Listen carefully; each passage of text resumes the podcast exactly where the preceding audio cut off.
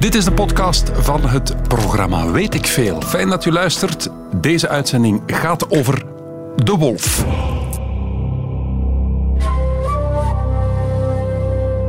Radio 1. Weet ik veel met Kopen Ilse. Goedemiddag. Wat is dat allemaal in het nieuws tegenwoordig? In Kerkhoven bij Lommel zijn vannacht drie lama's doodgebeten. Wellicht het werk van wolvenkoppel August en Noelle. Ja, en nog zoiets gehoord, toch? oktober, november 2000 kregen we melding van de Nederlandse politie dat er dus een, een dier rondloopt wat volgens hun leek op een wolf. En dat zich uh, vermoedelijk richting uh, Steken, de Kling, uh, het Waasland zou kunnen begeven. Een dier op zich is geen probleem, maar het bleek dat dat dier in, in Nederland een aantal schapen had aangevallen. Dus het, ze vrezen dat dat ook in België zou kunnen gebeuren. We zijn allemaal bang van de boze wolf, want ze zijn er die wolven. En daar gaat het vandaag over in Weet ik Veel met Jan Loos, afgevaardigd bestuurder van Landschap VZ2. U kent die vereniging waarschijnlijk wel door de website welkomwolf.be. Jan, goedemiddag. Goedemiddag. Ik denk dat we hier eigenlijk een soort PR-trucje moeten uithalen, want het imago, de public relation van de wolf, is niet zo geweldig. Hè? Bijt alles dood, zaait vernieling en dood Klopt. Uh, anderzijds moeten we toch wel vaststellen dat het draagvlak voor die wolf uh, mm-hmm. wellicht nergens zo groot is als in Vlaanderen. Ah, oké. Ik denk dat we tot de landen in Europa behoren waar die wolf uh, door de meerderheid van de bevolking welkom wordt geheten. En je hoeft maar naar het zuiden of naar het noorden te gaan en je komt terecht in toestanden waar dat veel minder het geval is. Ik denk dat Vlaanderen samen met Nederland en Duitsland wat dat betreft wel koploper zijn in Europa qua het welkom heten van de wolf. Radio 1. Weet ik veel? Sommige schapen die we aantroffen in, in weiden, ja, die waren bijna onherkenbaar. Je zou denken dat er een, uh, een groep uh, leeuwen aan het werk was geweest. Dus zo erg kwam dat uh, bij ons binnen. Nochtans geen leeuwen, maar wolven. Jan Loos, afgevaardigd bestuurder van Landschaps, Landschap VZ2 en van de website welkomwolf.be. Laten we beginnen bij het begin. Is een wolf een hond? De wolf is een hondachtige en eigenlijk zijn uh, al onze honden ja, eigenlijk om het onbeleefd uit te drukken, gedegenereerde wolven. Gedegenereerde? Gedegenereerd in de zin, wij hebben die ooit binnengehaald in onze grot, daar komt het wel op neer, omdat ze ons van nut konden zijn. En we hebben daarmee zitten verder kweken, nou, we hebben die gedomesticeerd en we hebben daarmee zitten verder kweken. En er allerlei rare dingen mee uitgehaald. Een, een wolf is bijvoorbeeld een hoogpotig dier, staat hoog op zijn poten. Ja? Als, wij, als ik dan zo'n tackle zie lopen, dan denk ik, wat hebben wij in godsnaam met dat beest gedaan? Ja, dus, ah, dus een tackle is ergens ook diep van binnen een klein beetje wolf. Dat is een klein beetje veel een gedegenereerde wolf. En zo'n chihuahua ook. Ook, ja. Dat geloof je toch niet? Toch is het zo. Dus, dus als je DNA van een chihuahua gaat, gaat bekijken, gaat daar wolf-DNA in zitten? Een stukje dat overeenkomt, ja. Straf, straf, straf. Het zijn uh, zoogdieren, sowieso. Ja, absoluut. En het zijn vleeseters. Ja, zeker. Hebben we geleerd al. Drie vier, drie, vier kilo vlees per dag is wat een wolf normaal nodig heeft, maar hij kan ook gemakkelijk een paar dagen zonder, om dan vervolgens een keer 10 kilo vlees te eten bijvoorbeeld. Dus zo'n zo'n lama, ja, dat weegt wel wat meer, denk ik. Dat is een noodzakelijke hap. Of gaat hij die doodbijten? Heeft hij die dood gebeten vorige week? Puur voor de sport? Nee, absoluut niet. Wolven leven trouwens in principe van wild, hè, van reeën. En in onze contraille vooral van reeën. 75% reeën, 20% eerder jonge everzwijnen en dan daarnaast een paar procent hazen. Eh, haasachtige konijnen ook, maar evengoed ook af en toe een landbouwdier. Maar dat gaat natuurlijk over landbouwdieren die dan niet beschermd zijn met stroomdraad. En dat is nu net wat ah, wij zeggen. Zorg ervoor alstublieft dat die wolven zich niet kunnen oriënteren op landbouwdieren door landbouwdieren te beschermen met degelijke schrikdraadrasters. En als stelt dat probleem zich helemaal niet, dan gaan die geen schapen pakken, dan gaan die geen lama's pakken.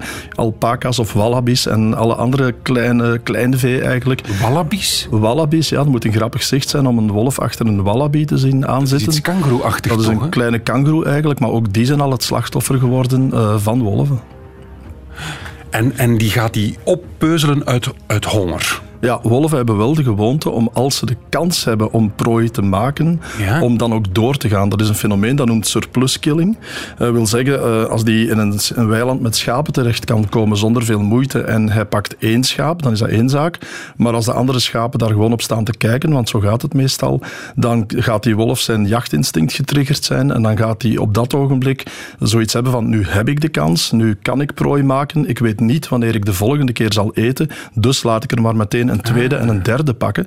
En zo kunnen wolven vrij veel schade aanrichten eigenlijk. Vanuit, ja, eigenlijk doen die wat wij in een groot warenhuis doen, meteen voor de hele week meenemen. En dat is wat een wolf ook doet. Wolven zijn opportunisten. Oké, oké. En ehm, gaan zij in groep jagen? Nee, want er was nog niet zo lang geleden maar één wolf in het land.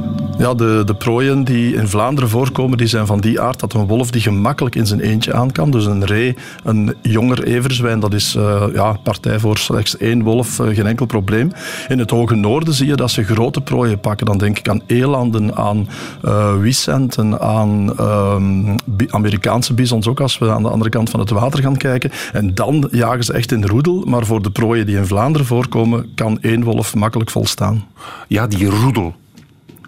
Ja, ik heb altijd geleerd dat wolven samenleven. Als je naar de sprookjes kijkt of, of, of naar de beelden vroeger, dat leek mij een groepsdier. Ja, dat is ook zo. Het zijn absoluut sociale dieren. Het begint, het ja. begint met een solitaire zwervende wolf die zich ergens vestigt. Vervolgens komt daar een eh, eentje van het andere geslacht bij. Dan heb je een paar, een gevestigd wolvenpaar. En dan mag je er eh, donder op zeggen dat eh, het volgend jaar in februari een paring plaatsvindt. Dat is ook alleen maar in de maand... Februari, Ja, enkel rond de. 14e zo. Rond, rond de 14, ja, eigenlijk wel. Eh, in februari vindt de paring plaats. En dat wil ook zeggen dat alle wolven tegelijk geboren worden. Namelijk ergens tussen half april en half mei worden overal in Europa tegelijk wolvenwelpen geboren.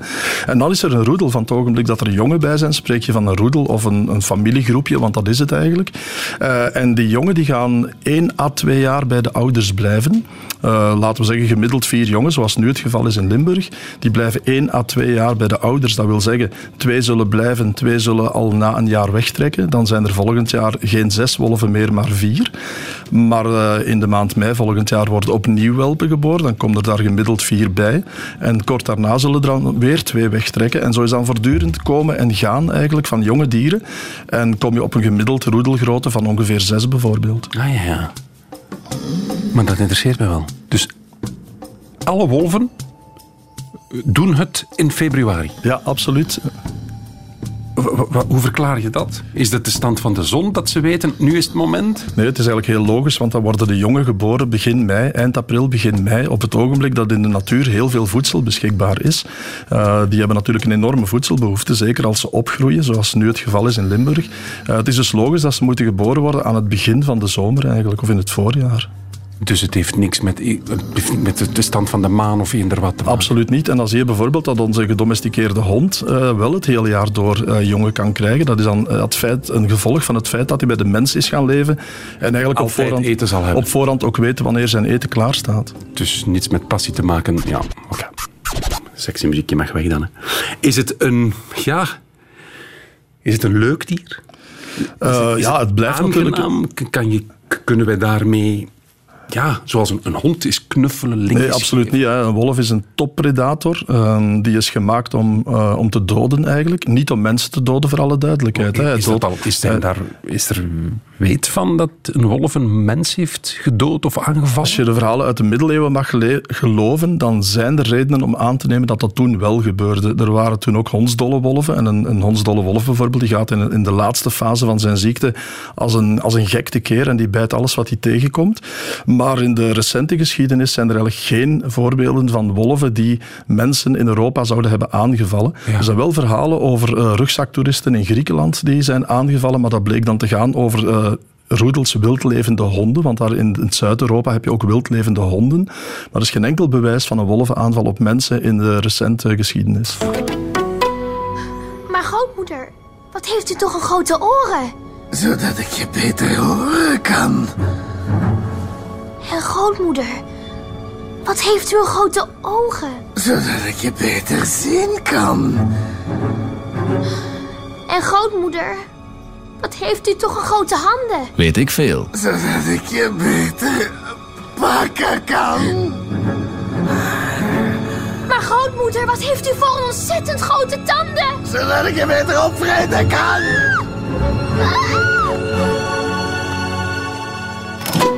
Nochtans, wolven eten geen mensen, hebben we al geleerd vandaag. Van Jan Loos, afgevaardigd bestuurder van Landschap VZW en van de website die je wel kent, welkomwolf.be. Ja, is de wolf welkom hier in België? Ik denk dat hij bij een groot deel van het publiek echt welkom is. In de zin dat wij denk ik, klaar zijn om te gaan samenleven met grote wilde dieren.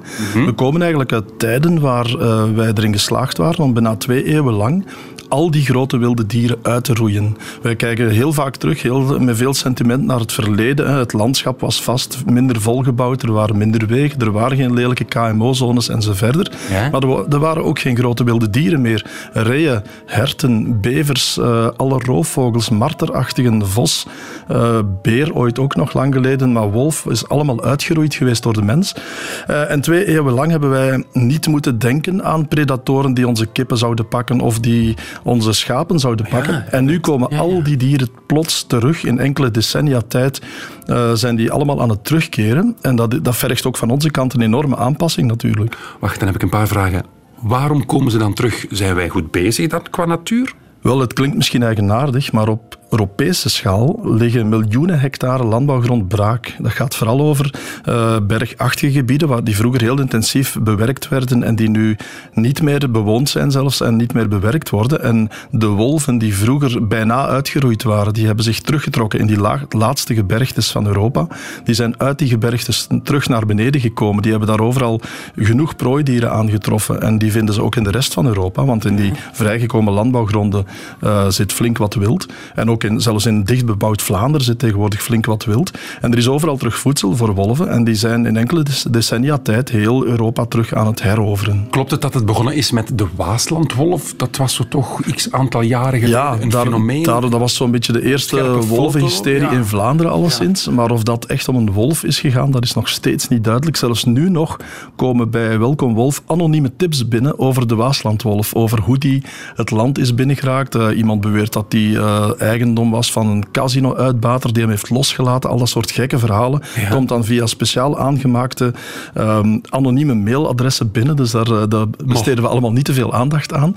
Um, maar de, de andere wolven, dus te beginnen met wolvin Naya, die hier gearriveerd is in 2018, die zijn zeer goed gedocumenteerd. Hun DNA wordt overal gevonden. En Naya, die was ook gezenderd. Dus men weet van uur tot uur waar die was, hoe die tot hier is geraakt. En hoeveel kilometer, als je dat zo zegt, die zijn gezenderd, hoeveel kilometer kilometer leggen die af? Oh, Zo'n gezenderde wolf die loopt vlot 1000 tot 2000 kilometer door Europa voor hij zijn plekje vindt. Er zijn er, er zijn er sommigen die, die het bij enkele honderden kilometer houden. Maar Naya bijvoorbeeld moet ongeveer 1000 kilometer gelopen hebben vanuit Mecklenburg-Vorpommeren in Oost-Duitsland. Uh, voordat hij hier in Limburg eindelijk haar stekje vond. Dus je kan via velden en bossen kan je van Oost-Duitsland naar Vlaanderen gaan. Absoluut, vooral als je dat s'nachts doet en als mensen slapen, want dan zijn wolven het meest Ah. actief. En daar komt bij dat wolven wel schrik hebben van mensen, maar absoluut niet van menselijke infrastructuren. Dus een, een huis is gewoon een hoop bakstenen, een industriezone, geen probleem. Spoorwegen zijn verschrikkelijk handig, want dan ga je snel vooruit als je op tijd opzij stapt voor de trein. Uh, bruggen over rivieren, tunnels zelfs. Wolven weten al onze infrastructuurwerken te gebruiken om snel vooruit te komen. Na Naya in 2018, twee maanden later, Roger. Klopt, en die wordt meteen doodgereden, helaas. Juist, ja, ja, ja, ja, ja absoluut. En dan August. Ja. Op, wie, wie verzint die namen eigenlijk? Uh, August is gearriveerd op uh, 1 augustus ongeveer. En het, het Instituut voor Natuur- en Bosonderzoek heeft hem dan de naam August En Roger, dat is zo'n stomme naam. Ja, Roger, ik denk dat dat een practical joke is. Moeten we nog altijd eens navragen, maar het zou mij verbazen dat dat niet de klusjesman van het Instituut voor Natuur- en Bosonderzoek is. Dat meende je toch niet? De tweede wolf na twee, na twee eeuwen, een tweede wolf. Er is, er is, er is, uh, er is geen protocol voor het benoemen van wolven. Uh, bovendien, uh, wolven krijgen in principe een wetenschappelijke naam en die begint dan met de GW van Grey Wolf en dan een, een cijfercombinatie en dan de, de, M van male of de F van female. Ah. Maar die dingen zijn onuitspreekbaar en als je ook als onderzoeker daar regelmatig mee geconfronteerd wordt, dan verzin je al snel een, ja, een, een roepnaam eigenlijk voor die wolf. Maar Roger, die... je kunt toch beter, hè? Ja, je kan moeilijke Novella bijvoorbeeld geboorte is gebaseerd op het feit dat hij rond kerstmis arriveerde, om maar iets te zoeken. En naja, daar hebben we niet hoeven over na te denken, want die had haar naam gekregen van Duitse onderzoekers. Nou ja. Ehm, hoeveel zijn er ongeveer dan nu? Ja, ik denk dat alleen al dit jaar zijn er vijf verschillende wolven, uh, het zij even, het zij een hele tijd, op het grondgebied van de provincie Antwerpen geweest. Daar zijn ook uh, Noella en August bij, dus de twee Limburgse wolven die even de grens zijn overgekomen. Mm uh, en daarvoor waren er inderdaad al Naya die vermoord is en Roger die is doodgereden. Dus wij hebben ondertussen zeven wolven op ons grondgebied gehad. en daarbij zijn dan de welpen nog niet meegeteld. Ja, Billy. Ook zo'n naam. Jan, ook dat is een de wolf Billy. Ook dat is een practical joke. Die is genoemd naar iemand met hetzelfde karakter als, als de wolf in kwestie. Is dat een compliment of niet echt? Dat heeft hij zelf verzonnen. ah, hij heeft zijn eigen naam aan die wolf gegeven. Ja, klopt. Egootje, egootje. Um, ja. Is Vlaanderen klaar daarvoor? Ik denk, het, ik denk het wel. Als je ziet dat de wolf ondertussen drie jaar probleemloos... Uh, niet in, probleemloos, want... Niet, ja, niet helemaal probleemloos, maar toch, de wolf leeft ondertussen drie jaar in Limburg. Uh, het is eigenlijk simpelweg niet aan ons om te bepalen uh, waar de wolf mag leven. De wolf zal zelf wel kiezen waar die zal leven, uh, in welke Europese lidstaat en binnen die Europese lidstaten in welk gebied wel en niet. Mm -hmm. die wolf is Europees beschermd, die vestigt zich waar hij denkt dat hij zich moet vestigen. Uh, je moet hem in principe met rust laten en zelfs zorgen voor de duurzame instandhouding van de soort op je grondgebied als, als lidstaat van Europa. En dat hebben de wolven hebben zelf Limburg uitgekozen als leefgebied. Maar het feit dat we ze twee eeuwen geleden hebben verjaagd, wil toch zeggen dat er niet mee samen te leven valt? Dat ja, is toch een beetje uw ex terug in huis pakken? Dat is toch vragen om problemen? In die tijd leefde natuurlijk de hele bevolking op het platteland en die mensen die, die vochten eigenlijk de hele tijd tegen de natuur. Die ontbosten bossen, die uh, probeerden moerassen te draineren, die waren eigenlijk de hele tijd bezig om het land geschikt te maken voor landbouw. Op alle mogelijke manieren en met alle mogelijke middelen. En dan was er dan natuurlijk de jagende adel die niet gediend was met uh, concurrenten uit de natuur zelf, namelijk die grote predatoren. Uh, er was ook voedselbehoefte en dat allemaal samen heeft gemaakt dat enerzijds de prooidieren van de wolf werden geschoten of gestroopt en dat uiteindelijk de, de predatoren als concurrent werden uitgeschakeld. Maar ondertussen leven wij in 2020. Uh, niemand moet hier nog leven van de jacht en de visvangst, denk ik. Uh, het zijn gewoon andere tijden. Ja. Klopt het dat we ze heel gruwelijk verjaagd hebben? We hebben ze verschrikkelijk gruwelijk uh, benaderd. Uh, nog steeds gebeurt dat trouwens in andere landen in Europa. Ik denk aan uh, Noord-Macedonië bijvoorbeeld. een aantal Balkanstaten gaan nog altijd op dezelfde manier met Geef wolven. Eens voorbeelden. Hoe, hoe, gebeurt dat dan? Dat gebeurt bijvoorbeeld door wolven te vangen in klemmen. En als ze dan gevangen zijn, wat dus al vrij gruwelijk is in zo'n klem, om ze dan niet dood te schieten, maar vervolgens met een strop rond de nek te wurgen om de pels niet te beschadigen. Want anders zit je met gaatjes in de pels natuurlijk. Oh. dus dat soort vreedheden, dat gebeurt nog altijd in de Balkan, maar gelukkig niet meer uh, in onze controle. Weet ik veel? In de literatuur of in de sprookjes, de wolf is toch altijd een beetje de slechterik. Ja, we hebben hem altijd voorgesteld als de slechterik die onze kinderen pakt en grootmoeders ja. aanvalt. En dat is eigenlijk best wel triest, want dat is lang niet in alle culturen zo het geval. Maar bij ons is dat inderdaad uh, met de paplepel mm -hmm. erin gegeven. Dan, wat ook maakt dat flink wat, uh, vooral oudere mensen met een werkelijke soort van roodkapjes-syndroom zijn uh, rondlopen. Hè, en, en, werkelijk denken dat ze van de fiets gaan gesleurd worden door een wolf. Ja. terwijl die wolf van de 21ste eeuw er nog niet eens aan denkt om dat te doen. Nee, nee, nee. Je hoort Jan Loos, afgevaardigd bestuurder van Landschap VZ en van de website welkomwolf.be. Al veel bijgeleerd, maar die wolf is er nu, hier in Vlaanderen.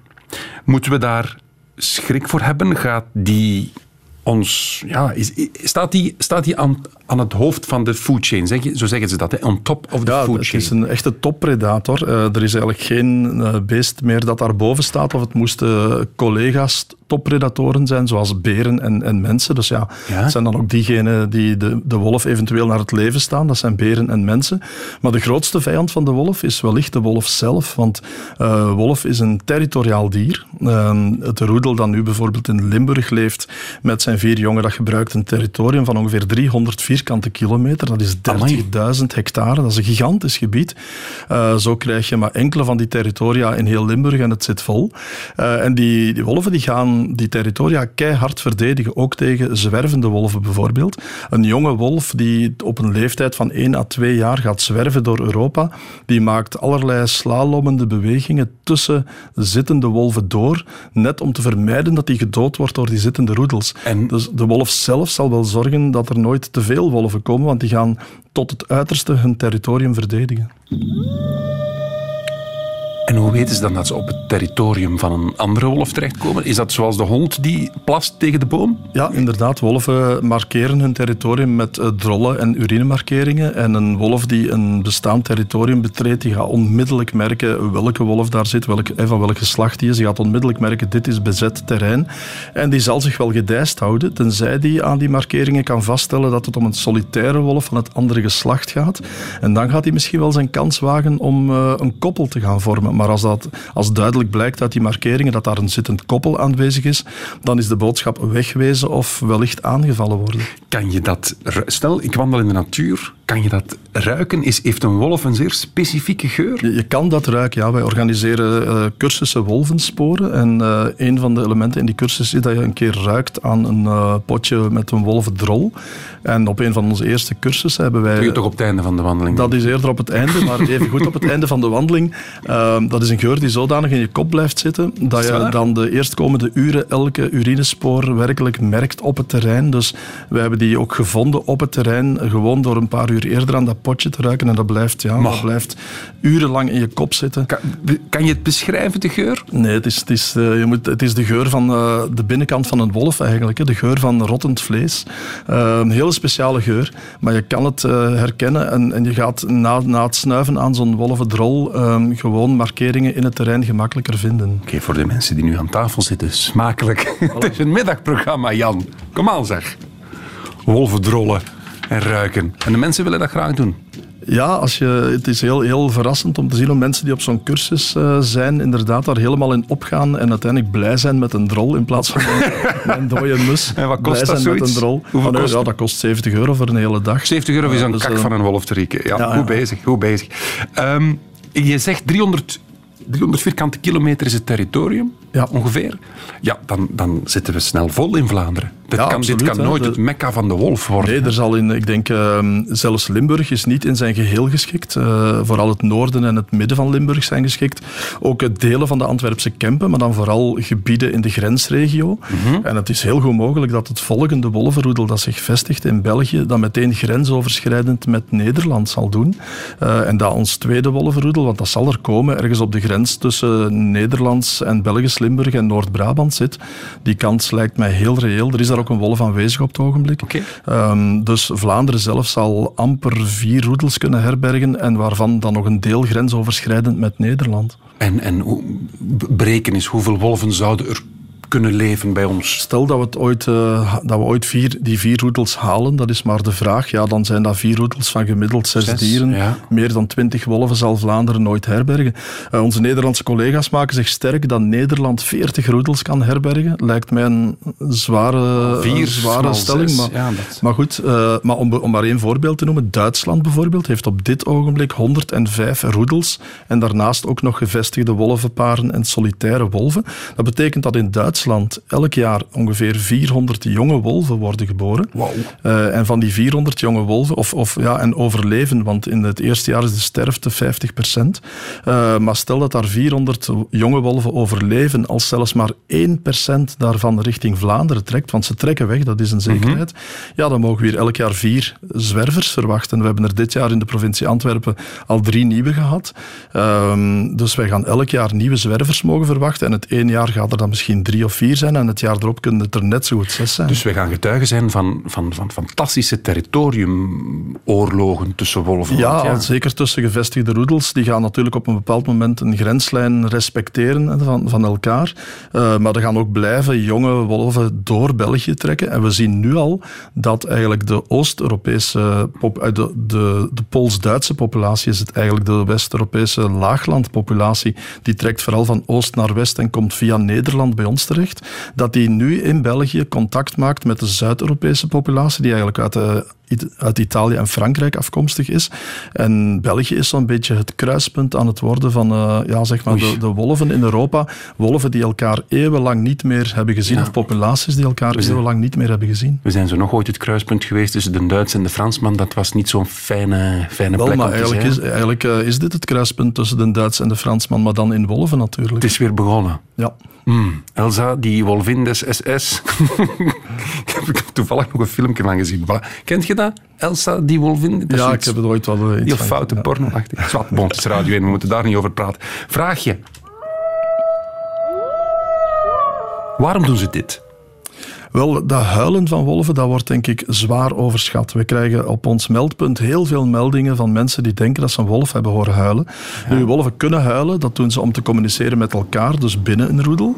Of met andere, eh, om hun aanwezigheid kenbaar te maken aan andere roedels over grote afstand. Die, die huilgeluiden zijn voor wolven gemakkelijk over 9 à 10 kilometer te horen. Uh, maar we krijgen heel veel meldingen van mensen die een wolf hebben horen huilen. Ja. dat is een van de dingen die wij doorgaans niet al te serieus nemen. Meestal gaat het dan om uh, de husky van de buren of iemand in de buurt.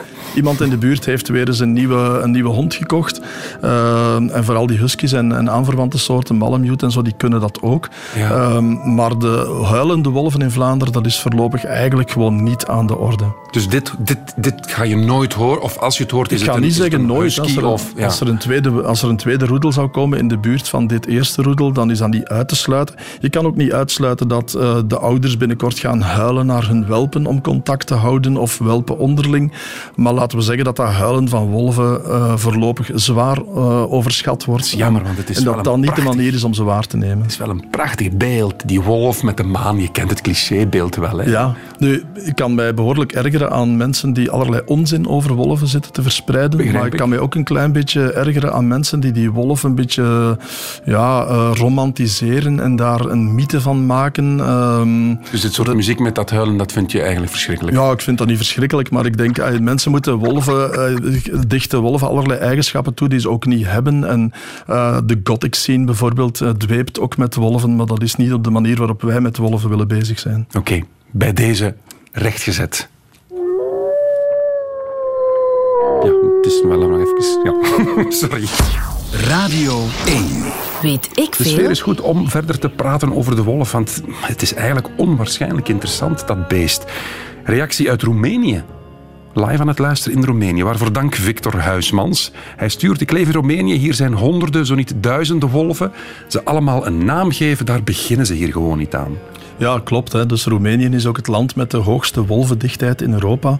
Het uh, zou inderdaad onbegonnen werk zijn. Ik denk niet dat, uh, stel dat in de Ardennen binnenkort uh, een achttal roedels uh, actief zijn, denk ik ook niet dat in de Ardennen alle wolven een naam gaan blijven krijgen. Maar wij zijn gewoon in Vlaanderen gestart met een wolf die een naam had. Onze eerste wolvin die aankwam was wolvin Naya, die had al een naam. Ja, en dat heeft een soort van traditie in gang gezet. En ik denk dat we ze in Vlaanderen nog wel gaan kunnen bijhouden, die wolven. Maar het is zoals met stormen die moeten tegenwoordig ook allemaal... Zelfs de hittegolf moet nu een naam krijgen, wordt gezegd. Ja. Hè? De media smullen daarvan. Dat zal het wel zijn. Bij mij in de studio Jan Loos van welkomwolf.be. En wat was hij toch aan het vertellen tijdens die plaat? Dat hij soms s'nachts wakker gebeld wordt. Dus jouw nummer staat ergens op ja, het ons, internet? ons meldpunt is 24 uur op 24 bereikbaar natuurlijk. Uh, 7 dagen op 7 en 365 per jaar. Was ook gezegd dat en nu live op de radio. Ja, dat is geen probleem, want we willen ook dat mensen die, die denken dat ze een wolf gezien hebben, dat ook werkelijk melden. En het is ja, um, mooi om te zien dat vooral mensen die echt uh, een close encounter hebben gehad met een wolf, en dat zijn er steeds meer, hè, voor alle duidelijkheid, steeds meer mensen, zeker in Limburg, uh, hebben vroeg of laat oog in oog gestaan met een wolf. En zeker diegenen die het mannetje ontmoet hebben, uh, Wolf August, dat is zo'n indrukwekkend dier. Die zitten vol adrenaline en die willen dat onmiddellijk kwijt.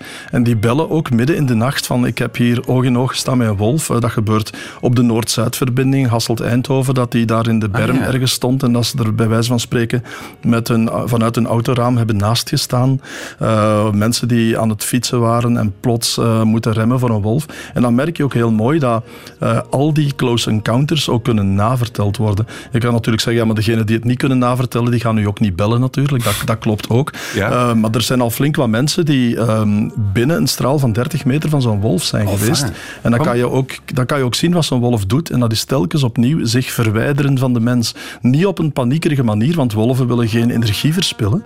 Maar ze gaan wel altijd spontaan afstand nemen. Zelfs de gekke wolf Billy, die toch een beetje de Antwerpse Kempen op zijn kop heeft gezet, die deed dat. En zolang een wolf afst- spontaan afstand neemt en dus zeker geen toenadering zoekt tot mensen, is er niks aan de hand. Dus we hebben Ah, ondertussen flink wat ja, eh, getuigen verslagen eigenlijk van mensen die zo'n close encounter hebben meegemaakt. En die zijn allemaal goed afgelopen. Want eh, tien dagen geleden, twee weken geleden zoiets, hadden we het in weet ik veel over beren. En als je een beer tegenkomt, ja, dan moet je echt op de grond play dead. Dan, je moet doen alsof je dood bent. Bij Ja. een wolf, die gaat jou gewoon zelf mijden. Een wolf gaat je spontaan mijden. Eh, ik denk dat ik zelf eh, met een beer ook wat minder gerust zou zijn. Eh, maar een wolf gaat je spontaan mijden. Daar heb je als mens niks van te vrezen. Mhm. Schapenhouders daarentegen, die hebben daar natuurlijk wel iets van te vrezen. En die moeten hun voorzorgen nemen. Hoezo? Wel, een, een onbeschermd schaap is een te gemakkelijke prooi voor een wolf. Dus daar elektrische fencing is echt wel nodig om te verhinderen dat ze zeker in wolvengebied regelmatig schapen gaan pakken.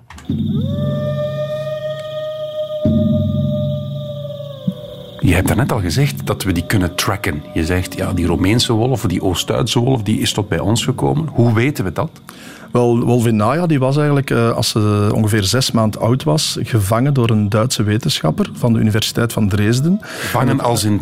Als, eigenlijk als jong dier, als een, een beetje naïeve welp eigenlijk, eh, bijna volgroeid, maar toch nog een beetje naïef, is die in de val gelokt. Het zij een inloopkooi, het zij een soort wolvenklem met een, ehm, een, rubberen, een rub- eigenlijk een rubberen klem die, die ook wolven kan vangen. Eh, die is dan ge- eh, verdoofd en gezenderd en die kon vanaf dan gewoon gevolgd worden met een GP, GPX-tracker ehm, en een simkaart rond haar nek om de gegevens van de GPS-tracker door te sturen. En hoe, dus je gaat die... Is dat zoals bij de dat je, dat je dan iets onder die huid schiet? Nee, dat is, dat is werkelijk een, een, een halsband, een zware, Ah, een zware halsband met een vooral zware batterij ook, die twee jaar mee moet. Eh, en die stuurt twee jaar lang de positie van die wolf eh, met een bepaalde frequentie door, die zelfs van op afstand kan geregeld worden. Is dat wel zo diervriendelijk, vraag ik me dan af? Wel, als die niet meer zinvol is, dan wordt die ook afgegooid. Dat is het mooie ervan. Dus na twee jaar, als de batterij leeg is, dan wordt die halsband ook van op afstand to- eh, geopend. En dan klikt die af en dan valt die gewoon neer en dan kan die gerecupereerd worden. Om vervolgens weer op een nieuwe wolfdienst te doen. Maar Naya heeft daar voor alle duidelijkheid geen last van gehad. Ze is duizend kilometer gelopen tot bij ons. Ze heeft altijd van wild geleefd. Ze heeft jongen op de wereld gezet, dus die heeft daar duidelijk geen last van gehad. Misschien een beetje stijve nek. Maar men, hangt, men laat dat ding ook niet rond die nek hangen als dat geen enkel nut meer Ja, heeft. ja, maar dat is enkel, enkel GPS. Ja, dat zijn, maar dat zijn dus, hartslagmeting. Nee, dat zijn, positie, dat zijn positiedata. En die verraden bijvoorbeeld niet dat zo'n wolf een schaap heeft gepakt. Dus die, die gaat wel vaststellen dat die wolf een tijd lang op dezelfde plaats is geweest, maar die verraadt niet dat hij een schaap heeft gepakt. Dus waarnemingen van het meldpunt Welkom Wolf eh, ja, zijn dan eigenlijk additioneel om, om Mhm. te vervolledigen eigenlijk het beeld dat men kan hebben met zo'n gezenderde wolf. Maar laten we ons niet te veel illusies maken. Hè. Er lopen in, in heel Europa enkele tientallen gezenderde wolven rond op een populatie van 12.000. Dus een gezenderde wolf. De- Heel toevallig was onze eerste wolf zo'n gezenderde wolf, maar dat is een zware uitzondering. Oké, 12.000 in Europa. Op, ja, eh, laten we zeggen, Europa zonder Rusland gerekend, loopt er 12.000 wolven rond. Wauw. Ja. En bij ons amper 20 dan. Ja, dus bij ons eh, zitten we nog niet eens aan 20 met eh, Wallonië meegerekend. Dus, eh, En wat is dan zo het mekka van de wolf? Is dat toch eerder zo Canada, die kanten? Of, Ja, of is- maar de overkant van het water, dat zijn de Amerikaanse wolven. Dat is een totaal andere wetenschap. Ik probeer zelfs daar zo weinig mogelijk over te lezen om mijn beeld over Europese wolven niet te laten vertroebelen. Want Amerikaanse wolven gedragen zich ook wel anders, leven in totaal andere omstandigheden. Ja. Maar het mekka van de wolf in Europa, dat zijn eh, populaties in de Alpen, dat zijn populaties in de Balkan, in de Karpaten en dan de West-Europese laaglandpopulatie die ja, nu via Nederland tot bij ons komt. En dan verder is er in Scandinavië en in de Baltische Staten zit- zitten ook nog wolvenpopulaties. Maar langzaam maar zeker groeien die allemaal naar elkaar toe om dan uiteindelijk één grote populatie te gaan de vormen. Europese wolf. ja, de Eurasiatische wolf. hè. Eurasiatische wolf. Vraagje krijgen we binnen van Glenn de Grote. We hebben het daarnet over de roedel gehad. Hè? Papa, mama en dan de welpjes, waarvan er twee vertrekken. twee generaties Twee wel generaties, eigenlijk. Maar ja. da- zeker de eerste generatie die is niet meer volledig wanneer de tweede geboren wordt, want sommigen zijn al weggetrokken op dat Ja, ja. En, en Glenn de Grote vraagt zich af, hoe is de hiërarchie binnen een roedel? Wel, dat is, dat is heel simpel met Europese roedels. Pa en ma zijn de baas en de rest luistert. Zo eenvoudig is het. En eh, alle verhalen over alfa-wolven en Mhm. beta-wolven... Zoals bij leeuwen die dan eh, beginnen dat- vechten. Dat zijn eigenlijk dingen die ontstaan zijn door eh, wolven van verschillende roedels bij elkaar te proppen in een dierentuin en dan hun gedrag te gaan onderzoeken. Als je wolven die niet verwant zijn dwingt om met elkaar samen te leven in een dierentuin, ja, dan moeten die wel een, een soort eh, hiërarchie ontwikkelen. Maar dat is eigenlijk eh, dierentuinliteratuur, dat heeft niks met de werkelijkheid te maken. In eh, Europa leven wolven heel simpel. Pa en ma zijn de baas en de twee generaties jongen die deel uitmaken van het roedel, die moeten gewoon luisteren. Het lijkt er steeds meer op dat wolvin Naya zich definitief in ons land heeft gevestigd. Dat weten we aan de hand van de gegevens van een GPS-zender die om haar hals hangt. Naya loopt nu al sinds begin januari rond in de brede omgeving van Kamp Beverlo in Leopoldsburg. Ze heeft ongeveer twee maanden geleden twee schapen doodgebeten, maar daar is het bij gebleven. Ze voedt zich nu vooral met reeën, everzwijnen en kleinere prooien. Volgens experts gedraagt ze zich voorbeeldig en wordt ze wellicht een vaste bewoner van ons land. Dat was Naya, hè. dat hebben we geleerd. Kwam van Duitsland, gechipt door een Duitse wetenschapper. En als welp of als naïeve welp gevangen genomen en dan zo naar België gevlucht.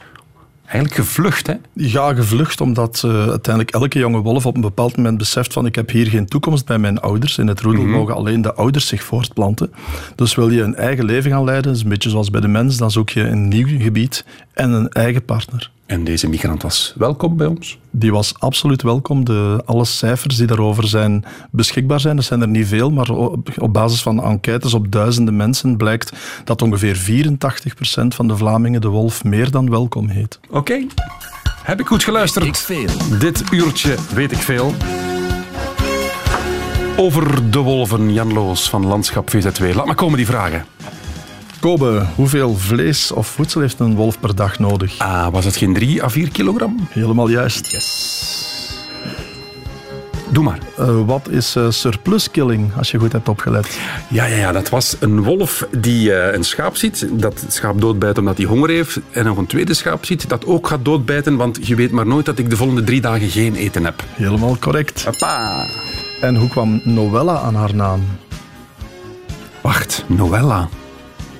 Ja, die namen, dat was iets raar. Want dat eigenlijk zo practical jokes van, van Billy en Roger. Dit is geen practical joke. Nee. Noella, ik ben het vergeten. Novella arriveerde rond kerstmis. Ja, tuurlijk. Doe. En hoe ver heeft Naya gelopen om tot hier te komen? Eh, 1200 kilometer? 1200? 1000? ja, 1000 zoiets. ongeveer. Ja. Straf, straf, straf. Nog één vraag? Heel snel. En de grootste vijand van de wolf? De mens. Nee? En de wolf zelf. En de wolf. Ja, hm, ja, dat is niet goed. Hè, Jan. Jan, super tof. welkom wolf.be voor al uw waarnemingen. Liefst niet midden van de nacht, maar ze zijn welkom. Tegen een uur of negen 's ochtends. absoluut. Ideaal. Tot morgen. Radio 1. Weet ik veel?